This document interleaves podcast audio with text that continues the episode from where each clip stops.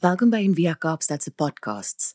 Vir meer inligting of om 'n bydrae te maak, gaan gerus na enviakaapstad.org. Ehm um, ek lees ons die skrif. Dis 'n lang 'n lang ene, maar dis 'n storie. So ek wil jou nooi, eh, kyk as een ding is ek altyd vir mense as mense van vra hoe hoe lees ek die Bybel? Hoe lees ek die Bybel? Lees net die storie. As jy die storie verstaan, dan dan het jy dit. Dan is jy al meer as halfpad daar en verder as ongelukkig meeste teoloë. So ehm um, luister probeer die storie sien en dit wat gebeur. Ehm um, dis 'n hele reis en 'n en 'n ge, gebeure wat op mekaar volg en wat soos 'n domino effek het. Die een weet veroorsaak die volgende een. Terwyl ons 'n keer op pad was na die bidplek, het 'n slavin met 'n gees van waarseery wat met haar voorspellings baie wins vir haar eienaars ingebring het, ons te moed gekom.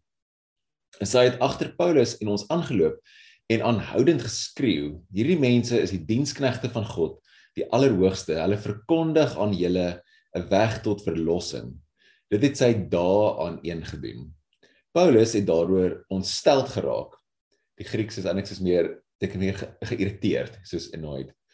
Uh omgedraai en vir die Gees gesê: Ek gebied jou in die naam van Jesus Christus om uit daar uit te gaan. En presies op daardie oomblik het die Gees uitgegaan. Toe haar eienaars merk dat hulle hoop op 'n inkomste daarmee heen was, het hulle Paulus en Silas gegryp en hulle na die markplein gesleep en voor die owerhede en nadat hulle hulle voorgebring het, het hulle vir die stadsbestuurders gesê: "Hierdie mense stook onrus in ons stad want hulle is Jode en hulle verkondig gebruike wat vir ons as Romeine nie toelaatbaar is om te aanvaar of na te volg nie." Die skare het ook teen hulle gedraai en die stadbestuurders het hulle klere laat afskeer en beveel dat hulle met stokke geslaan moet word. Nadat hulle met baie houe geslaan is, is hulle in die tronk gegooi en is die tronkbewaarder opdrag gegee om hulle baie goed te bewaak. In die uitvoering van hierdie opdrag het hy hulle in die binneste deel van die tronk gegooi en hulle voete in die blok vasgeklem. Om middernag was Paulus en Silas besig om te bid en tot lof van God te sing. En die gevangenes het na hulle geluister. Skielik was daar 'n ewige aardbewing sodat die fondament 'n fondamente van die tronk geskit het.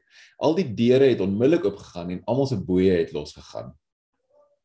Die tronkbewaarder het wakker geskrik en toe hy sien dat die tronk se deure oop was, het hy sy swaard getrek en wou homself doodmaak omdat hy gedink het dat die gevangenes ontsnap het. Maar Paulus het hard uitgeroep: Moenie jouself leed aan moenie jouself leed aan doen nie, want ons is almal hier. Bewaarder het vir lig gevra, ingestorm en bewend voor Paulus en Silas neergeval. Hy het hulle na buite gelei en gesê: "Meneere, wat moet ek doen om verlos te word?" En hulle het geantwoord: "Glo in die Here Jesus. Jy en jou hele huishouding sal verlos word." Hulle het die woord van die Here aan hom en aan almal in sy huis verkondig en hulle het op daardie uur van die nag saamgeneem en hy het hulle op daardie uur van die nag saamgeneem en hulle wonde gewas en hy en al sy mense is onmiddellik gedoop. Hy het hulle na sy huis geneem en 'n ete voorgesit. Hy en sy hele huishouding was jubelend omdat hulle tot geloof in God gekom het. Ons het vandag 'n lekker lekker vreemde teks. Ek sê in die week, ek dink ek het 'n nuusbrief opgeskryf toe ek hierdie teks sien in die leesrooster, toe sê ek ek sê julle ek dink ek het al duisende preke gepreek. Dit is letterlik duisende. En ek kan nie dink ek het al ooit hierdie teks gepreek nie. Ehm um, en dit is so bekende of bekende storie, hierdie storie van Paulus en Silas wat in die tronk sit en sing en alles wat saam met dit gaan. En ehm um, dis so 'n so weird vreemde storie. En uh, vir my ook so so eintlik beautiful storie. So dis moeilik baie keer sulke verhale wanneer ons dit na dit toe kom as as westerlinge dan wil jy onmiddellik sê ja kom maar weet wat beteken dit nou? Weet is al nou daar's nou waarsêery een daar's so waarsêery in sê die hierdie meisie was 'n fortuin verteller vir waarsêester waarsêery daar's demone in die storie. Ehm um, en daar's 'n weet 'n misterieuse aardbewing en die tronk goed wat deure wat oopklap en al sulke staf. So dit is dit is moeilik om dit in jou westerse kop vas te vat. Jy sê is dit nou is dit nou letterlik uh, weet jy dit nou gebeur en ek dink om daai in daai pad af te gaan met hierdie teks is eintlik om die hele dalk die storie so klein bietjie mis te vat om ehm um, dan die hele ding kan ek die eintlik die punt van die die punt van die verhaal so klein bietjie te mis. So ek wil jou kan nooi om net in die storie in te gaan, om die storie te sien en dit te lees en saam met my stukkie vir stukkie deure te gaan en eh, te hoor wat sê dit eintlik oor oor hierdie wêreld en oor die wêreld die wêreld van die koninkryke. Want in hierdie in hierdie verhaal is daar soos hierdie twee wêrelde wat bots die wêreld van die wêreld van slawerny van verdrukking ehm um, van onwettige arrestasies van van wins dalk so 'n klein bietjie iets van kapitalisme dalk daar gierigheid wins ehm um, en dit bots met die wêreld van vryheid van redding, van genesing, van ehm um, weet alles wat dit is wat die wêreld van God is, reg?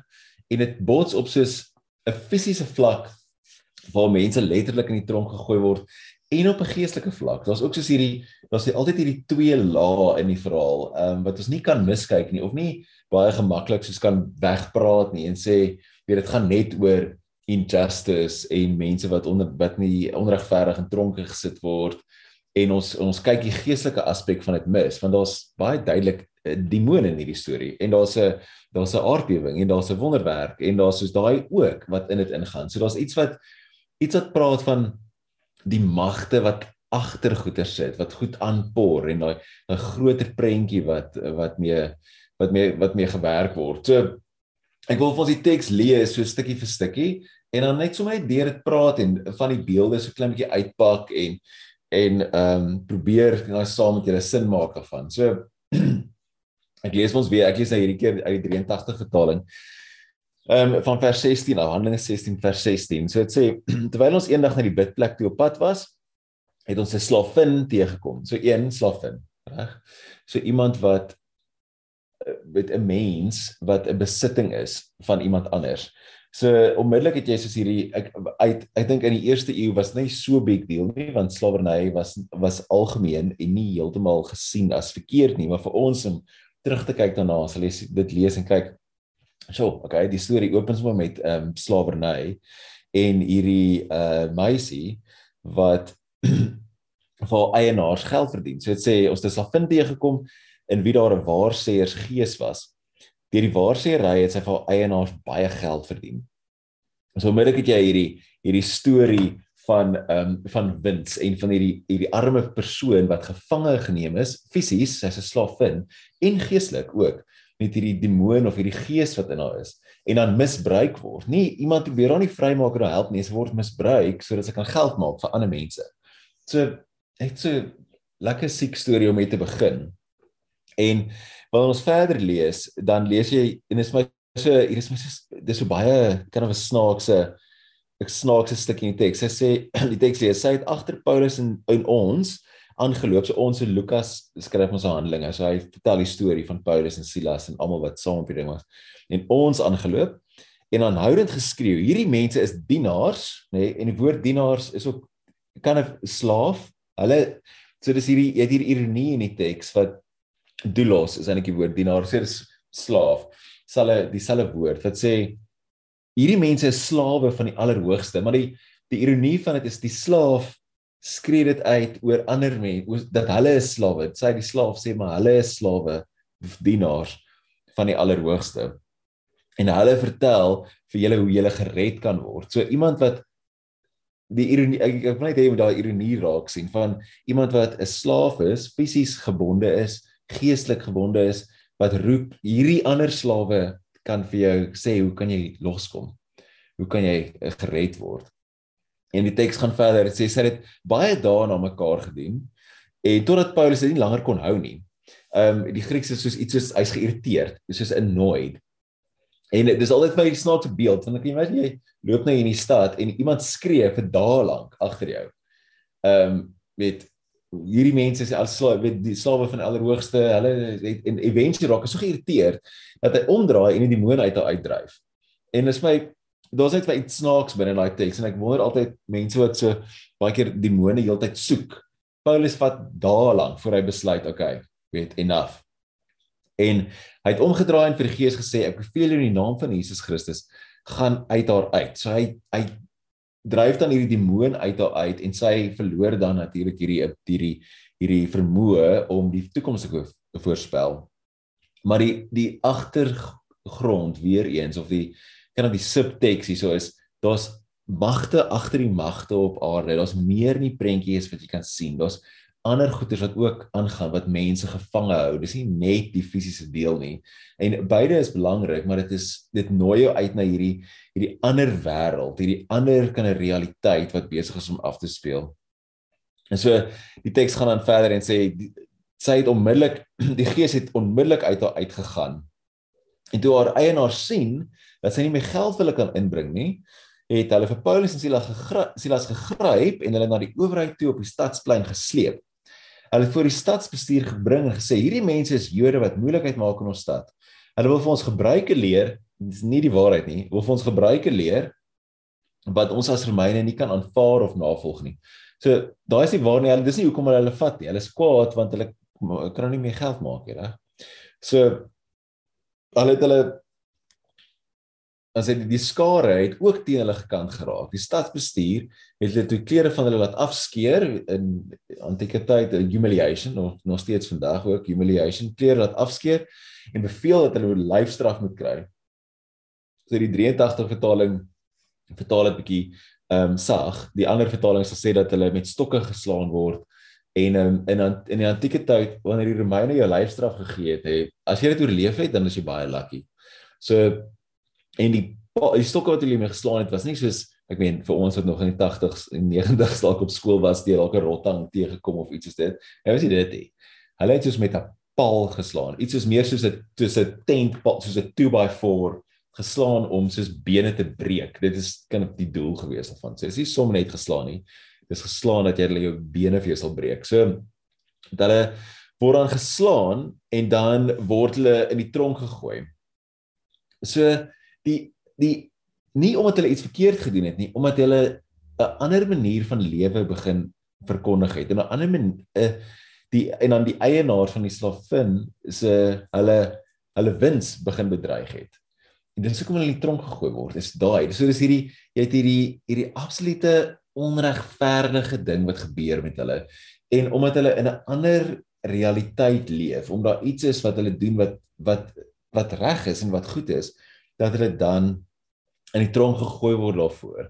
So en dan het ons wanneer ons en dan het ons hulle in die tronk. So die tronke van daai tyd was nie ek kyk ek dink jy die tronk nou vandag nou regtig baie nice is nie, maar dit was nie soos 'n tronk vandag nie. Jy het nie kos gekry nie.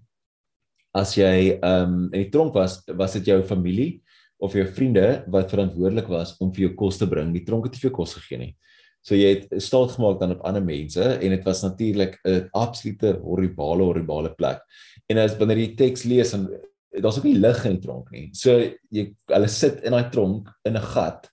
Ehm um, wanneer ons Israel toe gaan dan gaan ons na die daar's so dis nie regtig heeltemal 'n tronk nie maar amper is onder wat waar Caiaphas se huis was is daar soos hierdie dit lyk amper soos katakombes so uitgegrawe in die grond sulke gate en dat hulle hulle in hierdie gate gesit het wat dan sien 'n matralies voorgehad het of die een put die diepste plek waar mense nou vir jou sal sê dis nou waar Jesus was die aand van sy arrestasie is soos daar's net so klein gaatjie bo in die dak so jy moet met 'n tou moet iemand jou af laat gaan en dan jou weer uittrek in hierdie donker kan 'n koue nat dodgy plek so en daai beeld in jou in jou kop hê en dan hierdie die ehm um, die hierdie in die, in die middel van hierdie storie het ons dan Paulus en Silas wat sit in die tronk. Nou klere van hulle lyf afgeskeer.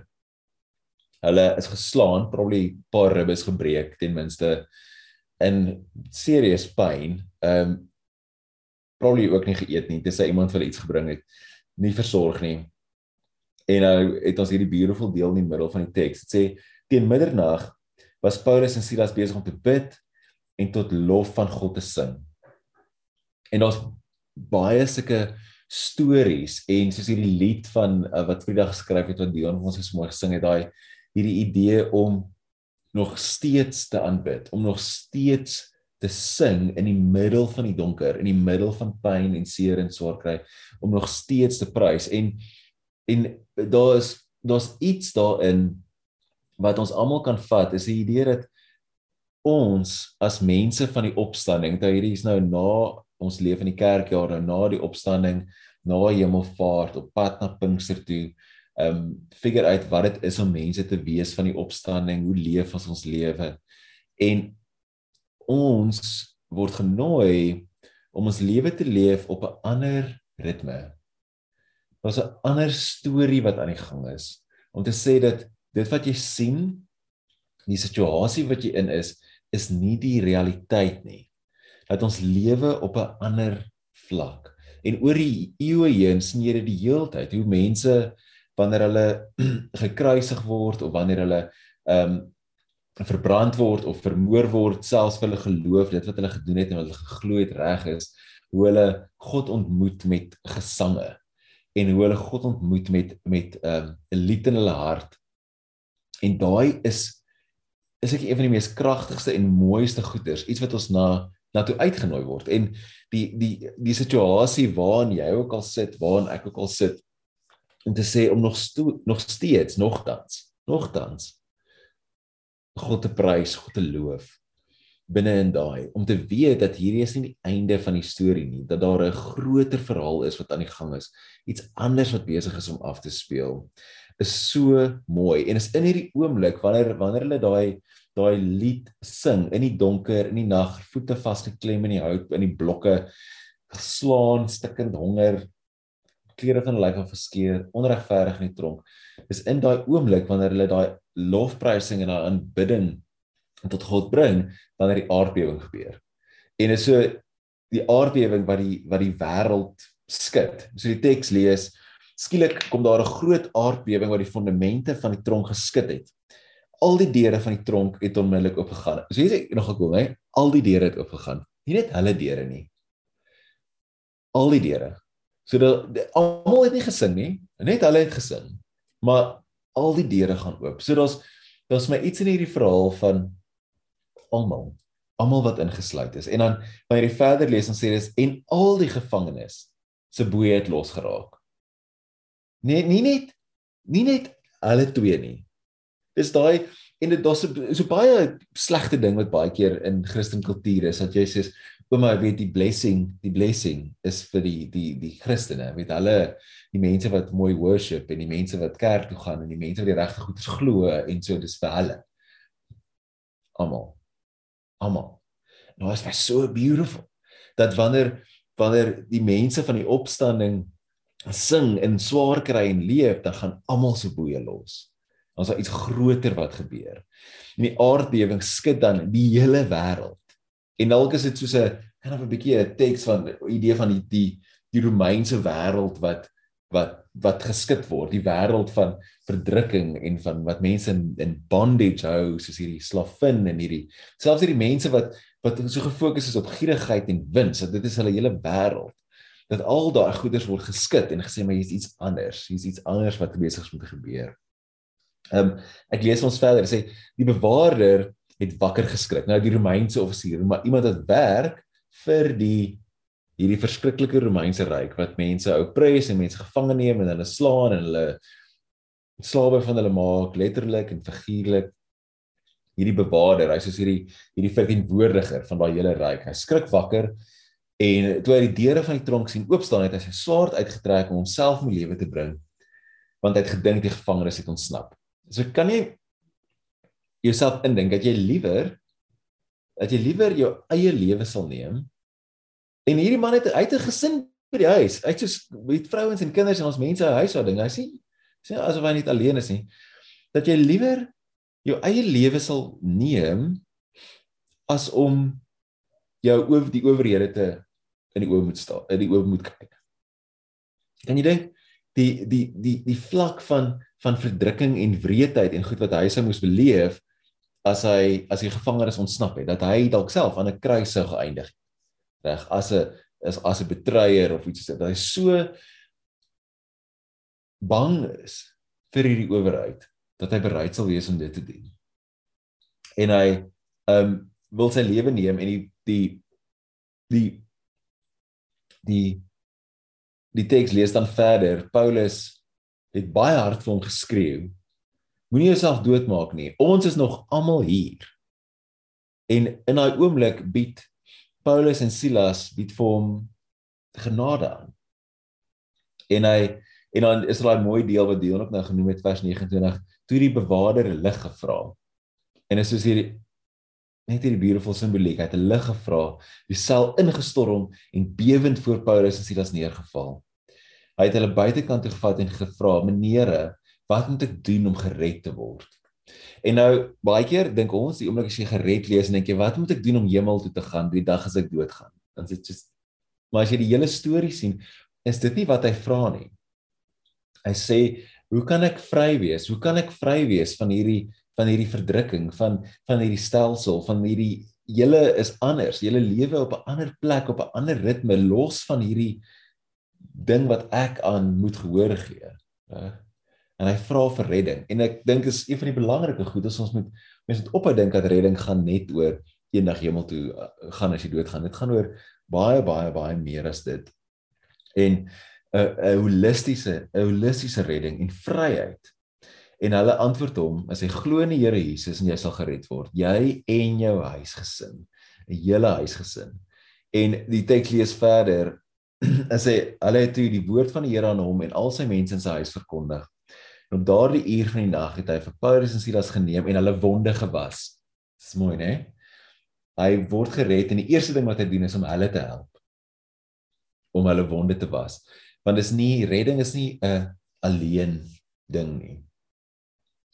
Hy en al sy mense is daar en dan gedoop. Toe bring hy na hulle huis toe en hy sit vir hulle ete voor. En is so die tafel as jy nog steeds in baie kerke is die tafel, ons het nie altaar en ons het tafel voorin. Want die tafel is die middelpunt van ons simbole, tafel waar daar 'n maaltyd is, waar mense kan deel en 'n gemeenskap kan hê. Toe bring hy na hulle huis en hy sit vir hulle ete voor. En hy en sy hele huisgesin was vol blydskap omdat hulle nou in God geglo het. So die die die ironie ook in hierdie teks of jy kan onder die oppervlak die hele idee van 'n huishouding. So oikos in Grieks is die huishouding. Die huishouding was soos 'n mikrokosmos van die hele ryk. En in baie van die Romeinse literatuur is hulle geskryf het dat die huis in die huis is die die pa die die die pater, die uh, patriarg, die keiser.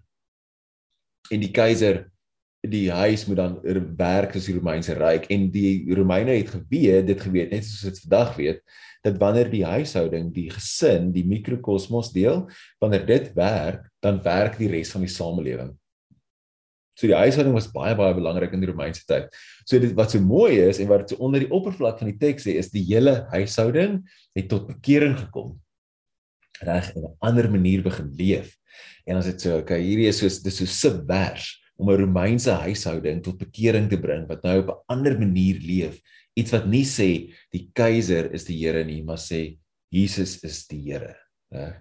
So en hierdie hierdie verhaal het my eintlik baie dink aan aan ehm um, Voltaire. So ek is 'n groot fan van Voltaire, die, die Franse filosoof wat in die 18 1700s geleef, 18de eeu. En ehm um, hy het, hy het baie geskryf oor vryheid, vryheid van spraak, die vryheid van denke was 'n groot ding en hy uh, was verskriklik krities teenoor die regering en die nobility en teenoor die kerk ook. So die Katolieke Kerk, mens moet ook alles in konteks sien. Want baie keer sê Jesus, ja, Voltaire was 'n ateïs en waarom moet ons nou deesdae ook die kerk vasvat en goed, maar die die Katolieke Kerk van 18de eeu Parys is nie dieselfde as die kerk van vandag nie. Ons moet ook net mekaar sê. So Voltaire het onder andere uit eendag 'n uh, 'n uh, adelike man net hom beledig en hom gesê hoe kan hy hierdie goeie skryf en sê en goed hy's nie well bred nie. So hy het nie die breeding nie. En toe beledig hy die nobleman terug en toe word hy in die tronk gegooi. Toe sê hy my dis nie hierdie is nie regverdig nie. Hoekom word ek in die tronk gegooi omdat ek net omdat iemand anders adelike is, hoe word hy in die Bastille toegesluit? En wil Voltaire is 'n paar keer toegesluit in sy lewe, tronke ingegooi en uh in ballingskap gebly in Switserland en in Engeland en so storie. En sy hele ding was vryheid om vry te kan leef. En wanneer ek hierdie teks lees, dan laat dit my so baie aan daai aan daai dink om te dink dat ons het ook dieselfde uitnodiging vir vryheid. 'n Vryheid van spraak, vryheid van denke. En hierdie hele teks gaan eintlik oor dit. Oor 'n uitnodiging na vryheid toe. Die slaaf, die slaafin, die slawe meisie wat vry geword het van haar eienaars af en van die demoon en die gees binne in haar. Die die tronkbewaarder wat vrygekom het van van die verdrukking van die Romeinse ryk wat hy en sy hele gesin vrygekom het. Hierdie idee van selfs Paulus en Silas dat hulle kan sê wat hulle wat hulle wil, dat hulle kan kan ehm um, die woord verkondig en vry kan kom van hulle eie boeye. En alles draai so rondom hierdie aanbidding. So op die einde van die dag is mekaar vra wat is ons wat is ons uitnodiging hier? Wat nooi jy teks ons na toe uit as as mense as mense van die opstanding? Een, wie is in die tronk? Wie is vasgeketting? Nee, letterlik Daar's baie mense in ons wêreld wat in die tronke is wat nie dalk in die tronke moet wees nie. En daai is 'n moeilike gesprek en 'n moeilike ding om te vra. Wie is figuurlik of geestelik, emosioneel, sielkundig vasgeketting in ons gemeenskappe en ons vriende? Wie's daai mense wat ons kan losmaak en hulle kan vryheid aanbied? En wat so mooi is van die van die teks is en ek weet dit net soos weer beam, almal se al die hekke het oopgegaan almal se boeye het losgegaan. Al die deure het oopgegaan. Maar dit het nie almal uitgegaan nie. Ons lees nêrens dat dit almal uitgegaan nie. So, hoe kan ons hulle help om uit te kom? Die bekende die bekende sê ding en Voltaire sal met my by saamstem en Mandela sal ook met my saamstem sê niemand is vry totdat almal vry is nie. En dit is iets wat ons almal voor moet werk. Vrylating is 'n gemeenskaplike daad redding is gemeenskaplike daad. Dit gebeur in gemeenskap. En wat hierdie teks ook nog 'n ander ding wat hierdie teks ons nou uitnooi is om te raak te sien dat die swakkes saam is magtig. Hierdie slavin aan die begin wat swak is, gebond vasgebind is, gebonde is op 'n paar vlakke. Sy is een wat die waarheid vertel aan die begin. Wat sê hierdie is hier, hierdie is die mense. En ek dink Voltaire sou trots wees op haar ook. Weet hierdie is die mense, hierdie is die dienaars van God wat redding wat redding aanbied. 'n Slawe meisie wat eintlik niks is in die samelewing nie, wat die waarheid praat. Paulus en Silas, hulle is die buitestanders in die stad, outsiders. Die tronkbewaarder wat soos 'n lae posisie het. Is al hierdie mense wat saam saam skep hulle hierdie verhaal, hierdie verhaal van redding en van hoop en van vrylating. Reg? Die stem van 'n slawe meisie eindig dus met 'n aardbewing wat die wêreld skud. Dis nie incredible nie. En daai is die krag van die goeie nuus. Daai is die krag van die evangelie. En dis wat ons mee werk. En ons uitnodiging is om nie te vergeet nie. Ons uitnodiging is om konstant mense se boeye los te maak. Konstant op 'n ander ritme te leef. Konstant vir 'n ander ryk, vir 'n ander koninkryk te leef waar die keiser nie die Here is nie, maar Jesus die Here is. Dis wat ons moet doen. En dis wat ons as kerk en as gemeenskap na toe uitgenooi word. En ons almal. Kom ons bid saam julle. Dankie Here Jesus dat U die een is wat Here is. Dat U die een is wat ons uitnooi na 'n vry wêreld. Help ons om ons boeye self los te maak of net uit te gaan en op te staan want die boeye is klaar los. Help ons om ander mense ook uit te nooi uit slawerny uit. Wat ook al dit beteken. Help ons om te sien die ongeregtigheid in die wêreld en dit ook uit te roep. Dankie dat U met ons is. Dat U koninkryk gekom het en steeds kom. Help ons om dit te bring waar ons is en leef. Ons loof U naam. Amen. Baie dankie dat jy saam by gesit het vandag. Jy kan jou hande uitsteek en uh die seën ontvang. Mag jy die stem hoor wat sê jy is die een wat 'n dienaar is van die Allerhoogste. Mag jy dan gehoor gee aan daai en regtig daai leef en mag jy ander mense vrylaat en jouself ook vrylaat. In die naam van die Vader, die Seun en die Gees. Gaan in vrede en vryheid. Amen. Dankie dat jy saam geluister het vandag. Besoek gerus en via kaapstad.org vir meer inligting.